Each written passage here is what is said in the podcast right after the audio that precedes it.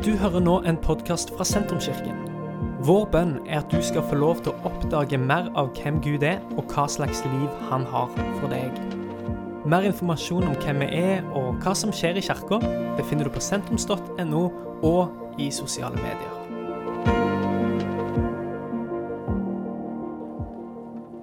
Takk, Herre Jesus, for at du er her. Takk at når vi samles i ditt navn, så er du til stede. Takk at det, det løftet er noe mer enn bare et løfte. Takk at det er reelt. Takk at du er her, og takk at du snakker til oss. I Jesu navn.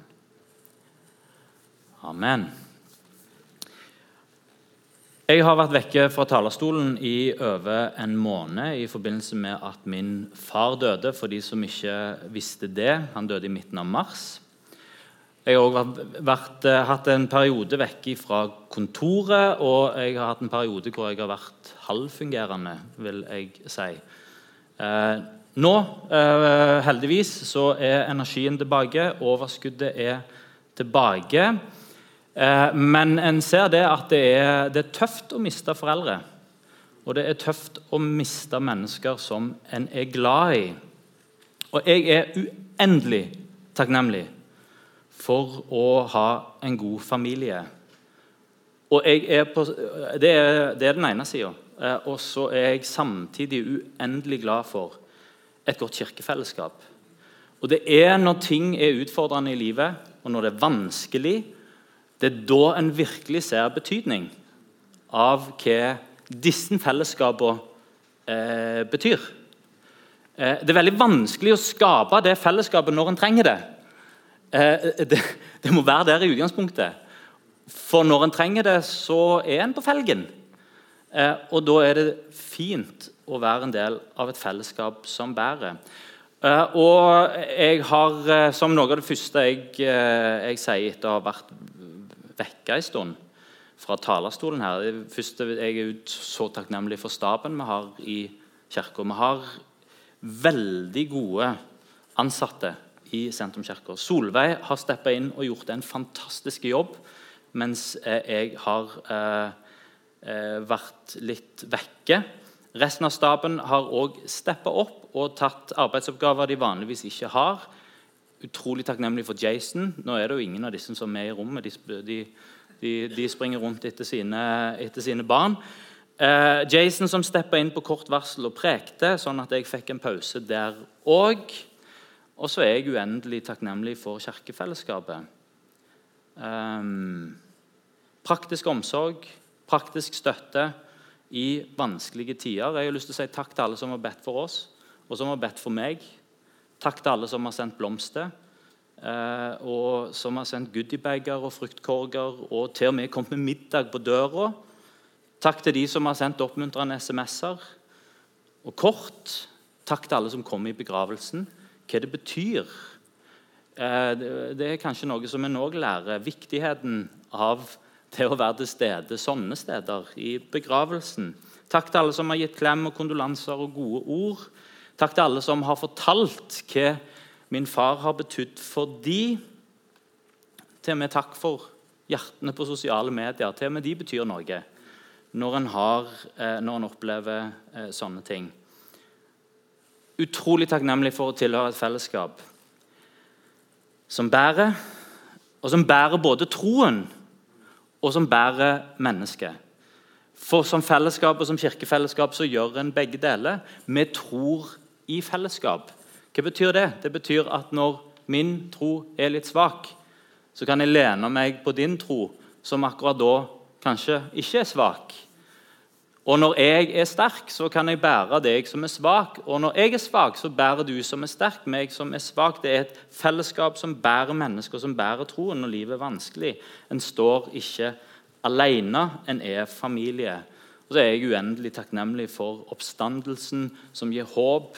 Som gir håp om et nytt liv, som gir håp om Ny himmel og ny jord som gir håp om gjensyn. Evangeliet er gode nyheter, og det er det evangeliet er. Og det er virkelig gode nyheter. Og Det står seg i gode dager, og det står seg i lidelse og i sykdom og i møte med døden. Å lede kirka det er òg å lede med livet. For min del så inkluderer det hele meg. Det inkluderer eh, ikke bare arbeidstida mi, men det inkluderer livet mitt, det inkluderer familien min. Eh, og det inkluderer òg min far. Så når jeg skal preke nå igjen, så klarer jeg ikke å gjøre det uten å begynne med å være Ikke bare begynne, men med å være personlige. Jeg må få ta med menigheten med inn i noe av det som, som har vært viktig for min del den siste eh, måneden. For eh, jeg har mista en god far. En veldig god far. Så har jeg mista en god venn og en trofast støtte og et solid eh, fundament. Eh, og Jeg har venta litt med å ha den talen for at jeg skal kunne ha den eh, og ikke bli for emosjonell. Far var veldig viktig for meg. Han var mitt forbilde, og han er fortsatt mitt forbilde. Jeg har fortsatt ikke kommet over hvor mange folk det er som har kommet og sagt fine ord om min far. Eh, og En ting er de som sier han var en god mann, og, og, det er fint. Det er kjekt å høre at noen en er glad i, var en god mann, men det som gjør virkelig inntrykk, det er alle som kommer og sier i denne perioden av livet mitt så, eh, så betydde han mye for meg. Eh, han så meg, han satte seg ned og lytta til meg. Eh, han gjorde dette for meg. Eh, han var en del av oppveksten min og var en viktig eh, støtte i min oppvekst, i min ungdomstid, gjennom denne krisa. Eh, og Det er mange fra kirka som har den erfaringen, men så hører en at det er ikke bare menighetsfellesskapet som har fått møte det. Men det er kolleger, det er venner, det er folk fra andre menigheter og rundt forbi som forteller den den samme fortellingen. Jeg visste dette på forhånd, men jeg var ikke forberedt på omfanget og hvor sterkt inntrykk det kom til å gi. Det var en kristen venn fra veterinærstudiet til min far som forteller at de to lærte seg å spille gitar når de var studenter. Eh, og eh, Han forteller sjøl at han var ikke så flink. Han, eh, det var ikke far heller. Eh, de, de, så de var ikke så flinke å spille gitar, noen av dem. Men eh, for han ene så Eh, så drog det dama, så han fikk seg kone gjennom det. Og han sa for, Men for Åsulf, da, for min far, så ble det noe mer enn det. Han ble jo lovsangsleder og delte sangen til Jesus med så uendelig mange andre. og Så forteller denne kristne veterinærkameraten, veterinærstudentkameraten at når de sang lovsanger sammen i student, kristne studentgrupper, så var det lett å sikte på min far sin trygge tenor. Eh, og så har han et sitat som jeg syns var så fint. Når vi andre sto i fare for å synke, så sikta vi på Åsulf. Og Åsulf han sikta på Jesus. Og Kanskje er det det vakreste som jeg har hørt noen har sagt om en Nei, det er ikke det vakreste, men det er vakkert. Og jeg tenker Sånn har jeg lyst til å leve. Et liv som sikter på Jesus, og som andre kan Og hvis at en da andre sikter på det livet som sikter på Jesus, ja, men så er det det en får møte gjennom det livet. Og I Hebreerne 13,7 så står dette Glem ikke lederne deres, de som talte Guds ord til dere. Tenk på deres liv og utgangen det fikk, og ta deres tro til forbilde. Jeg har lyst til å lese det en gang til. Glem ikke lederne deres eller forbildene deres, de som talte Guds ord til dere. Tenk på deres liv og utgangen det fikk, og ta deres tro og ta deres tro til forbilde. Og Det er det første jeg har lyst til å si eh, i dag. Finn deg etterfølgbare forbilder som er nær deg. Bli gjerne inspirert av flinke talere og dyktige ledere rundt i verden, men gjør aldri tabben å tro at du kjenner dem. Vi blir så, Det å se et bilde av noen på sosiale medier og høre ordene deres på øra våre, så, så, så, så, får vi bare et lite fragment av et menneske. Og så fyller vi på det bildet som vi har fått, og de ordene som vi har hørt, og den videosnutten som vi har sett. Og så lar vi fantasien vår fylle på med hvordan vi tror det mennesket er. Og så blir det forbildet som en skal følge. Vet du hva det er for noe? Det er en oppskrift på å bli skuffa. For svært svært ofte så stemmer ikke fantasien vår med hvordan et menneske som er langt vekke, er. Det stemmer veldig sjelden med virkeligheten. Eh, men det eneste problemet med de som er nær oss, det er at de har allerede skuffa oss. Eh, de kjenner vi, så vi vet deres svakheter. De som er nær oss, de er ikke så imponerende. Fordi Selv om de er kanskje bra på det og det, så vet vi veldig godt om at de er absolutt ikke bra på det og det og det. Og de er til og med veldig lite bra på det og det. Og eh, de er problematiske på disse områdene her. Og dette totalbildet gjør at eh, vi vil heller bygge oss et glansbilde av noen som vi ser et bilde av på en skjerm, og som vi hører ordene av på øra.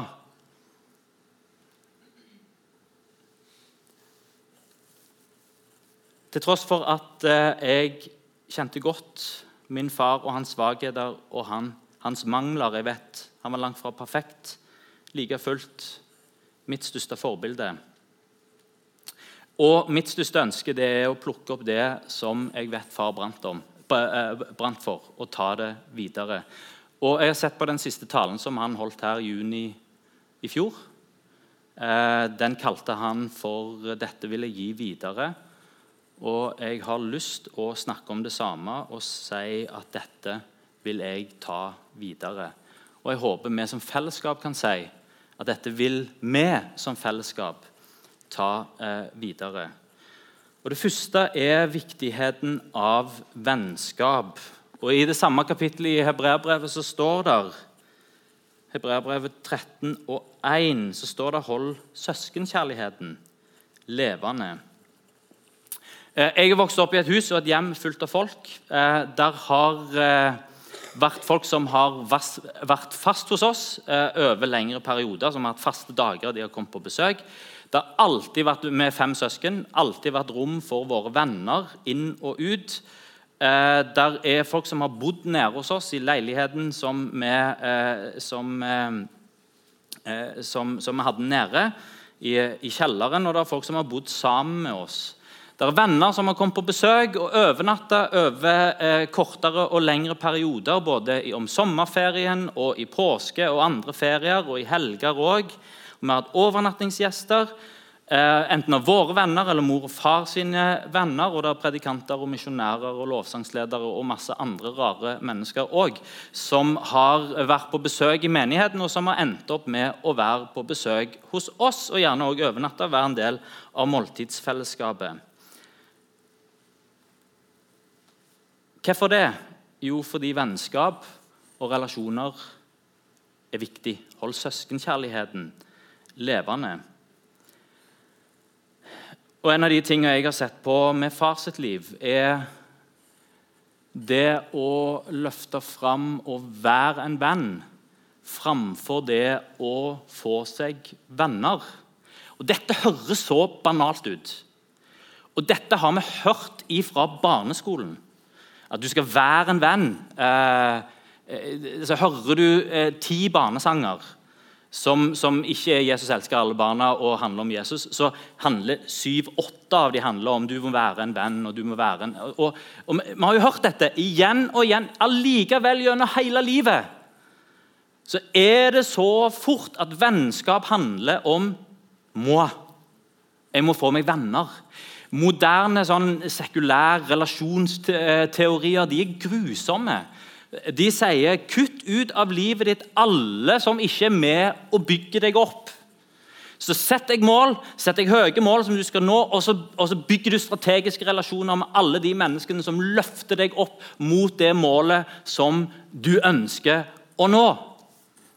Og så kjøper vi den fortellingen der kanskje litt sånn Jeg har lyst til å være kule, ok, men da trenger jeg noen kule venner som kan løfte min kulhet. Nei, jeg har lyst til å lykkes i livet, ja, men da trenger jeg noen venner som lykkes i livet, sånn at de, de kan være med og løfte min, uh, min vellykkethet osv. Videre, og, så og så tenker vi at dette er et tenåringsproblem. Dette er ikke et tenåringsproblem. Dette er et menneskeproblem. Det møter oss når vi går på ungdomsskolen, kanskje ekstra mye da, for da har en litt eh, lite filter. Og så har en litt mer filter på videregående. Men fortsatt så handler det hører vi om i disse dager på debatten og russefeiring.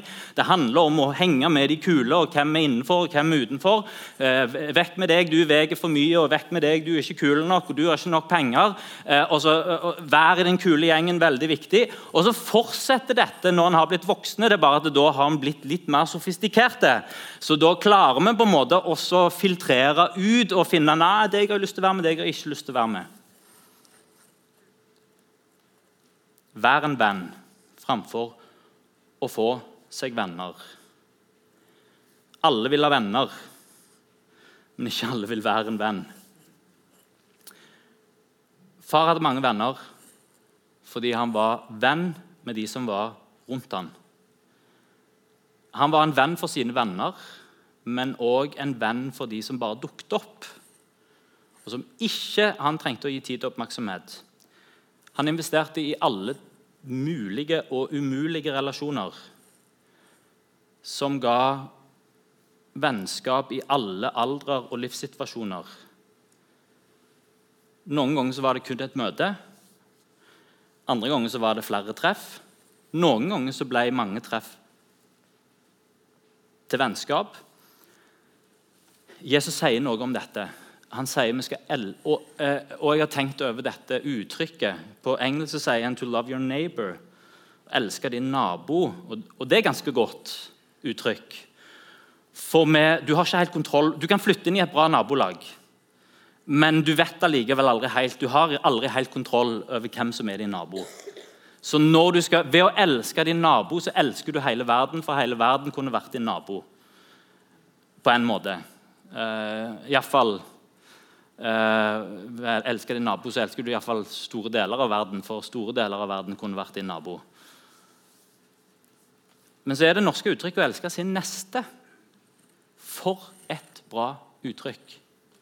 For hvem er din neste? Dette er jo utgangspunktet for den barmhjertige samaritan og historien. Hvem er min neste? Hvem er naboen min? Snu deg rundt i livet ditt hvem går du i klasse med? Det er din neste. Hvem har du rett rundt deg i nabolaget? Det er din neste. Hvem er kollegaene dine? Det er din neste. Hvem er du i link-gruppa med? Det er din neste. Hvem tjener du på team sammen med? Det er din neste. Hvem, hvem, hvem, eh, hvem er din årgang på skolen? Det er din neste. Altså, eh, når du, så drar han i militæret. Hvem er du i militæret sammen med? Det er din neste. De aller fleste relasjonene er sånne ting som en ikke har kontroll over, som er bare mennesker som er neste, hvem er din neste? Det er den du står og snakker med i foajeen nå etterpå. Hvem skal du elske? Du skal elske din neste. Ikke den der, den personen som jeg sikter meg inn på, som har noe å gi meg, som bygger livet mitt, sånn at livet mitt blir så fantastisk som det jeg ønsker at det skal være. Men å elske sin neste, den tilfeldige, den som er nær. Hvordan gjør en det? En tar initiativ, og en er oppmerksom. Det er snakk om det lille ekstra. Det er snakk om å ta med Gud inn i initiativet. Noe som kanskje Gud minner deg om å gjøre eller si eller gi til noen som er rundt deg. Det handler om å lytte oppmerksomt. Det å lytte er en glemt kunst i Norge. Eh, og, eh, og min far var dyktig på å lytte. Eh, enten det var i telefonen, i samtale med mange, eller aller mest i samtale med én. Eh, og hva er hemmeligheten med det? Eh, hemmeligheten med det er når du er med mange, og ikke tenke at for at jeg skal lytte nå og ha en samtale, så må det være med den personen der. Og Hvis det ikke er den personen der, så er jeg ikke interessert. Men hemmeligheten til å være en god lytter er at det, uansett hvem en havner med, ja, men da er jeg nysgjerrig på hvem du er, og hvilken historie du har å fortelle. Hemmeligheten er å ikke avbryte. Hemmeligheten er å ikke ta fokuset vekk fra den andre over på seg sjøl. Ja, den historien som du forteller der, det minner meg om noe lignende som jeg opplevde for litt tid tilbake. Og det var interessant, skulle du vite. fordi at det er sånn Og sånn. Og det minner meg om at det, dette er veldig viktig for meg, og dette må jeg få fortelle til deg. for å, å dette var en kjekk samtale, for nå fikk jeg fortalt litt om meg sjøl, om min historie. Og sånt gjør vi. Hvor mange ganger har en ikke den der samtalen hvor eh, folk eh, sier eh, morsomme ting? Og så, eh, og så, er du liksom ikke helt Du, du kobler litt av fordi du spinner på hva er liksom den morsomme tingen som jeg skal si. Og, og Vent litt, vent litt. vent litt. Jeg, jeg har òg noe å si her. Eh, og så glemmer en å lytte, for en er opptatt av eh, det en skal si sjøl. Komme med oppfølgingsspørsmål og vise interesse. Og Kanskje er det det siste som er utfordrende. Å vise interesse for andre. I Norge så er vi uendelig dårlige på det. La oss få tilbake litt nysgjerrigheten. Nesten sånn der en eh, nabokjerringnysgjerrighet. Det er nesten bedre enn total likegyldighet. Det å være nysgjerrig på det andre mennesket. Du, Jeg er interessert i livet ditt. Hva skjer i livet ditt? Hva tenker du? Vet du, De aller fleste mennesker klarer ikke å reflektere sjøl over spørsmål i livet. Med andre ord, det å hive fram en samtale i hodet sitt der han sier jeg tenker dette, og dette syns jeg var en veldig god idé, men vent litt. Når jeg får den ideen, så må jeg komme her oppe og så må jeg stille disse spørsmålene her. Ja, men hvem er sånn, og hvem er sånn? Jo, og da mm, mm, mm, mm og så reflektere fram og tilbake sånn som det. De aller fleste mennesker klarer ikke det. Vet du hva en trenger for noe? En trenger å hive ut tankene sine i en samtale. Da trenger en noen som lytter. Og når noen andre lytter, vet du hva som skjer med den som snakker? En, en lytter sjøl òg. Og så lærer en noe sjøl. Og så får en klarhet i sine egne tanker. Derfor vil en person som har sittet og gitt oppmerksom lyttetid til noen, få høre etterpå at i den perioden av livet så betydde du veldig mye for meg. Hvorfor? Det en gjorde, det var å sitte og lytte og være oppmerksom. Og den oppmerksomheten handler om å gi og si Gi noe fint, si noe fint eller gjør noe fint for noen andre. Og gjør det med en om gangen. Jeg er sikker på at i menigheten her så er det mange som lengter etter vennskap. Jeg er sikker på at det, det, er noen der som lengter etter vennskap, og noen der som lengter etter vennskap, og noen der som lengter etter vennskap. Og så går en rundt og lengter etter vennskap. Utfordringen blir når en alle lengter etter vennskap, men de tre samme personene. Men når vi begynner å gi hverandre oppmerksomhet og er glad i vår neste, så kan det bygges i en menighet både sannsynlige og usannsynlige vennskap og relasjoner. Oppfordring. Dette vil jeg ta videre. Vær en menighet som verdsetter vennskap og relasjoner, og som tilbør vårt vennskap med vår neste med naboen, med de i kirka, med kollegaene og med de som er nær oss. Dette vil jeg ta videre. Eh, og her er nummer to. Eh, og eh, de resterende punktene her de kommer ikke til å ta så lang tid som den første. Det er gjestfrihet og måltidsfellesskap. Og Hebreerne 13,2 sier Glem ikke å være gjestfrie for på den måten har noen hatt engler som gjester uten å eh, vite om det. Eh, når jeg vokste opp, så hadde vi tre felles måltider eh, i familien nesten hver eneste dag. Vi spiste frokost sammen, middag sammen, og som regel så spiste vi faktisk òg kvelds sammen. Eh, og I et 70-tallshus der stua var og er gigantisk store, og kjøkkenet er mikroskopisk lite, så klarte vi å samle hele familien på syv stykker rundt det lille spisebordet. Og det var som regel så var det én eller to eller flere eh, Ikke som regel, men eh, veldig ofte så var det flere rundt det bordet. Jeg, jeg, jeg vet ikke hva rekorden er, men det, det, er vanvittig så mange mennesker han har klart å samle rundt et lite kjøkkenbord. Eh, og Eh, vi hadde av og til skilt på døra nede som sa 'ikke forstyrr, vi spiser'. Eneste problemet var at noen ganger så glemte vi å ta skiltet av. Eh, så da tenkte de som kom for å ringe på, at eh, vi spiste hele dagen. Og det gjorde vi vel kanskje på en måte. Fins det noen bedre måte å møte et menneske på enn ved å tilby mat og spise sammen. Og dette har Tenk om vi kan ta dette videre, for dette er jo heller ikke noe som ligger i vår norske kultur som en sånn At vi gjør rom for flere rundt bordet vårt. At en gjør vane av å invitere gjester til middag, både til hverdags og til fest. At en bruker merkedager som unnskyldning til å invitere. At en bruker været om våren og, sommeren, spise på terrassen, grille eh, og være sammen. Her er en oppfordring. La oss være ei gjestfri kirke som tar videre gleden over å spise sammen, setter verdi på fellesskapet rundt måltidet, og som praktiserer gjestfrihet. Det er 'velkommen hjem' ikke et slagord, men 'velkommen hjem' er realiteten. Kom og spis med oss.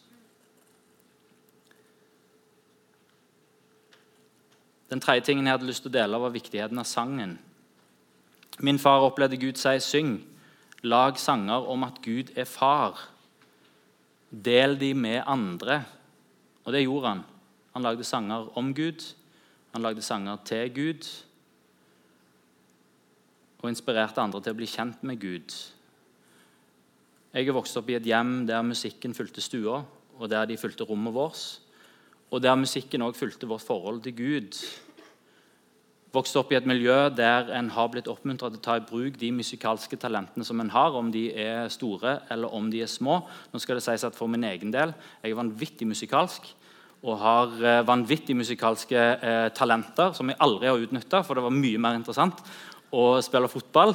Eh, men jeg har i hvert fall lært meg tre, de tre, tre bedehusgrepene og kan ta opp en gitar i godt lag eh, eller for meg sjøl eh, hvis det trengs.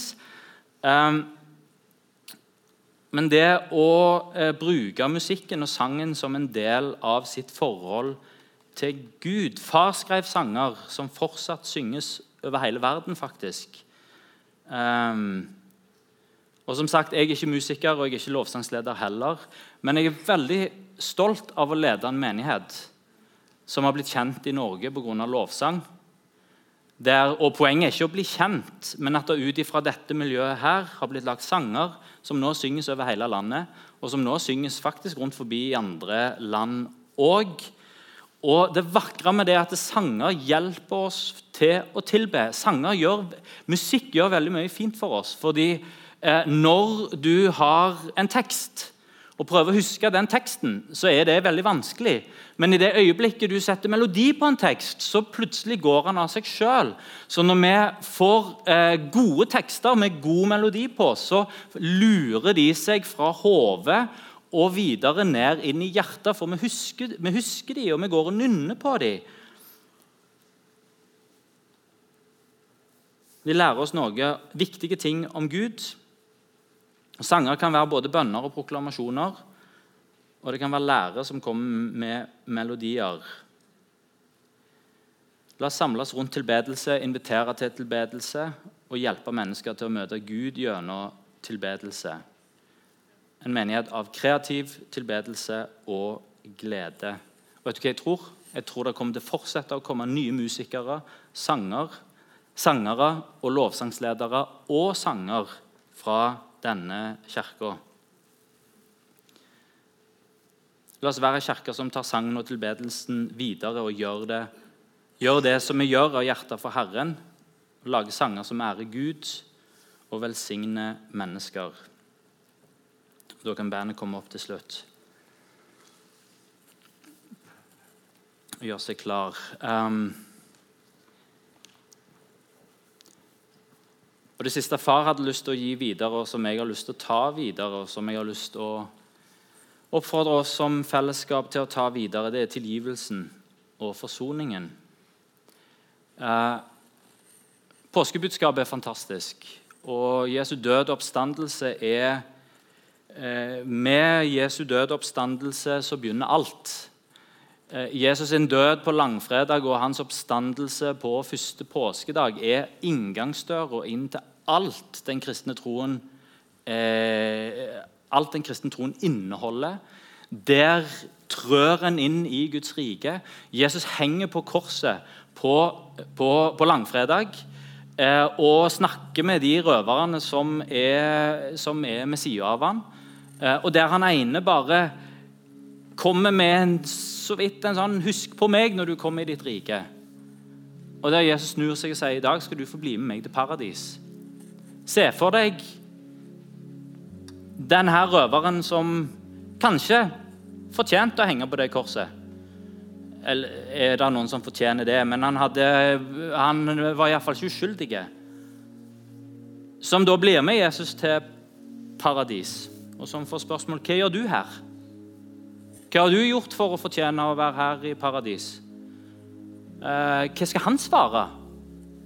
Nei, Nei det, var ikke så, det, det var ikke så voldsomt. Vet du hva han svarer? Han mannen på det midterste korset, han sa jeg kunne komme. Der åpner Jesus opp sitt rike gjennom det han gjorde på korset, hans død og hans oppstandelse.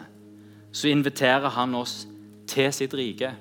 Og Så står han opp fra de døde, og denne usannsynlige historien som plutselig ikke blir så usannsynlig allikevel når en ser effekten av alt som har skjedd de siste 2000 åra. Når han møter sine disipler som, som, som, som, ikke tror det begynner med. De hører rapporter om at ja, han har stått opp fra de døde. Nei, de kan ikke tro at det er sant. Og Så får de møte den oppstanden i Jesus. Og det interessante er hva er det Jesus sier i møte med sine disipler når han, han, han har dødd på korset, han har åpna opp veien til Guds rike, til sitt rike.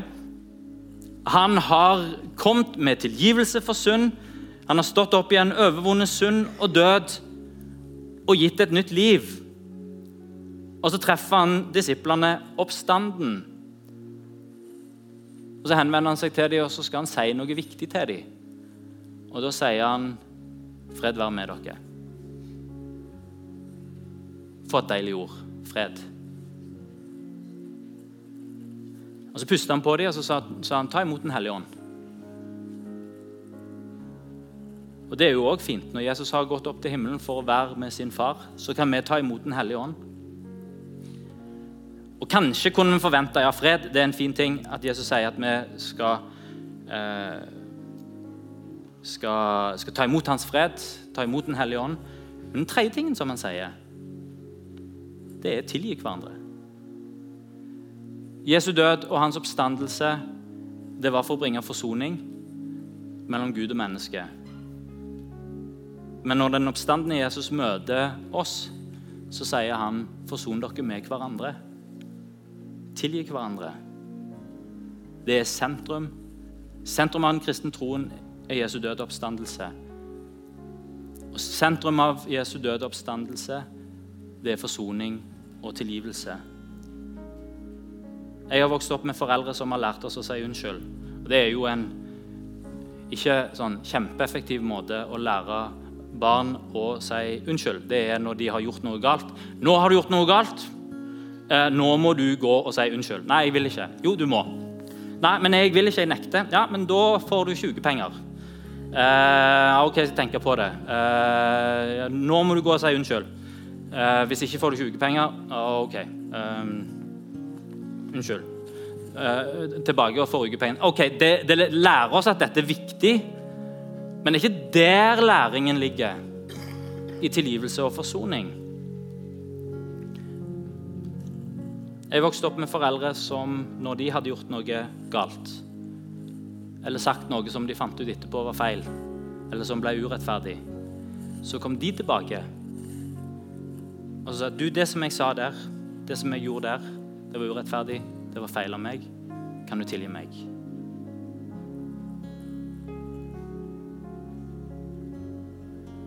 Sånn kan en leve. Bli sterk gjennom å vise svakhet. Tilgivelse holder familier sammen. Og dette her er så banalt, men det er så kraftfullt.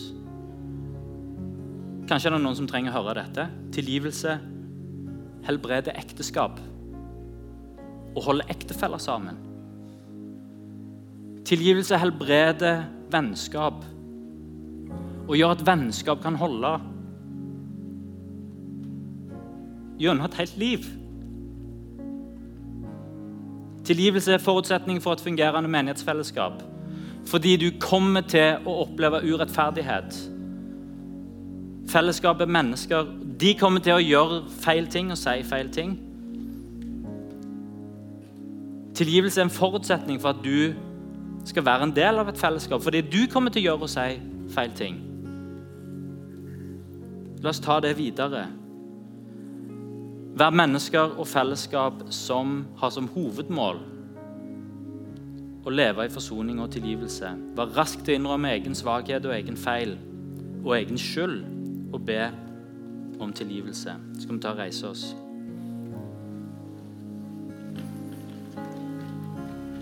Kilden til alle disse fire tingene her Vennskap og relasjon, gjestfrihet og fellesskap rundt måltidet sangen og tilbedelsen, forsoningen og tilgivelsen. Felles for alle de er et sentrum av Jesus. Jeg tilber Han og gir Han min sang fordi Han er verd det. Jeg inviterer andre gjestfritt inn i mitt liv fordi Han har tatt imot og invitert meg Tilbyr mitt vennskap fordi jeg er blitt hans venn. Og jeg tilgir fordi jeg har blitt tilgitt. Jeg forsoner meg med andre fordi jeg er blitt forsont med Han. Jesus, jeg går i dag den samme til evig tid. Vi kan følge Han, og så kan vi la oss inspirere av andre som følger Han. I deres menneskelighet og i deres feilbarlighet. Be sammen. Vi kan godt lukke øynene våre der som vi står.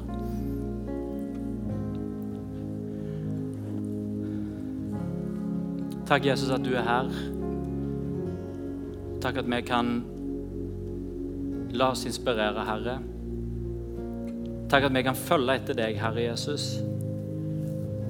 Og leve liv som ærer deg. Leve liv som sikter på deg, Herre. Herre, jeg ber for eh, sangen og tilbedelsen. Vi ber for dette kirkefellesskapet, Herre, og for hver enkelt en av oss. Må, må sangen, musikken og tilbedelsen få lov til å prege livet vårt og fellesskapet vårt, Herre. Vi ber, Herre Jesus, for vennskap og relasjoner, Herre. For både sannsynlige og usannsynlige vennskap som skal få formes, og som skal få beholdes, Herre. Herre Jesus, så ber vi om en gjestfrihet som preger både menigheten og hjemmet, Herre. At vi skal få lov til å leve i tilgivelse og forsoning. I Jesu navn. Dette er slutten på denne podkastepisoden. Har du spørsmål om Jesus, om tro, om livet, så er du hjertelig velkommen til å ta kontakt med oss via sentrums.no.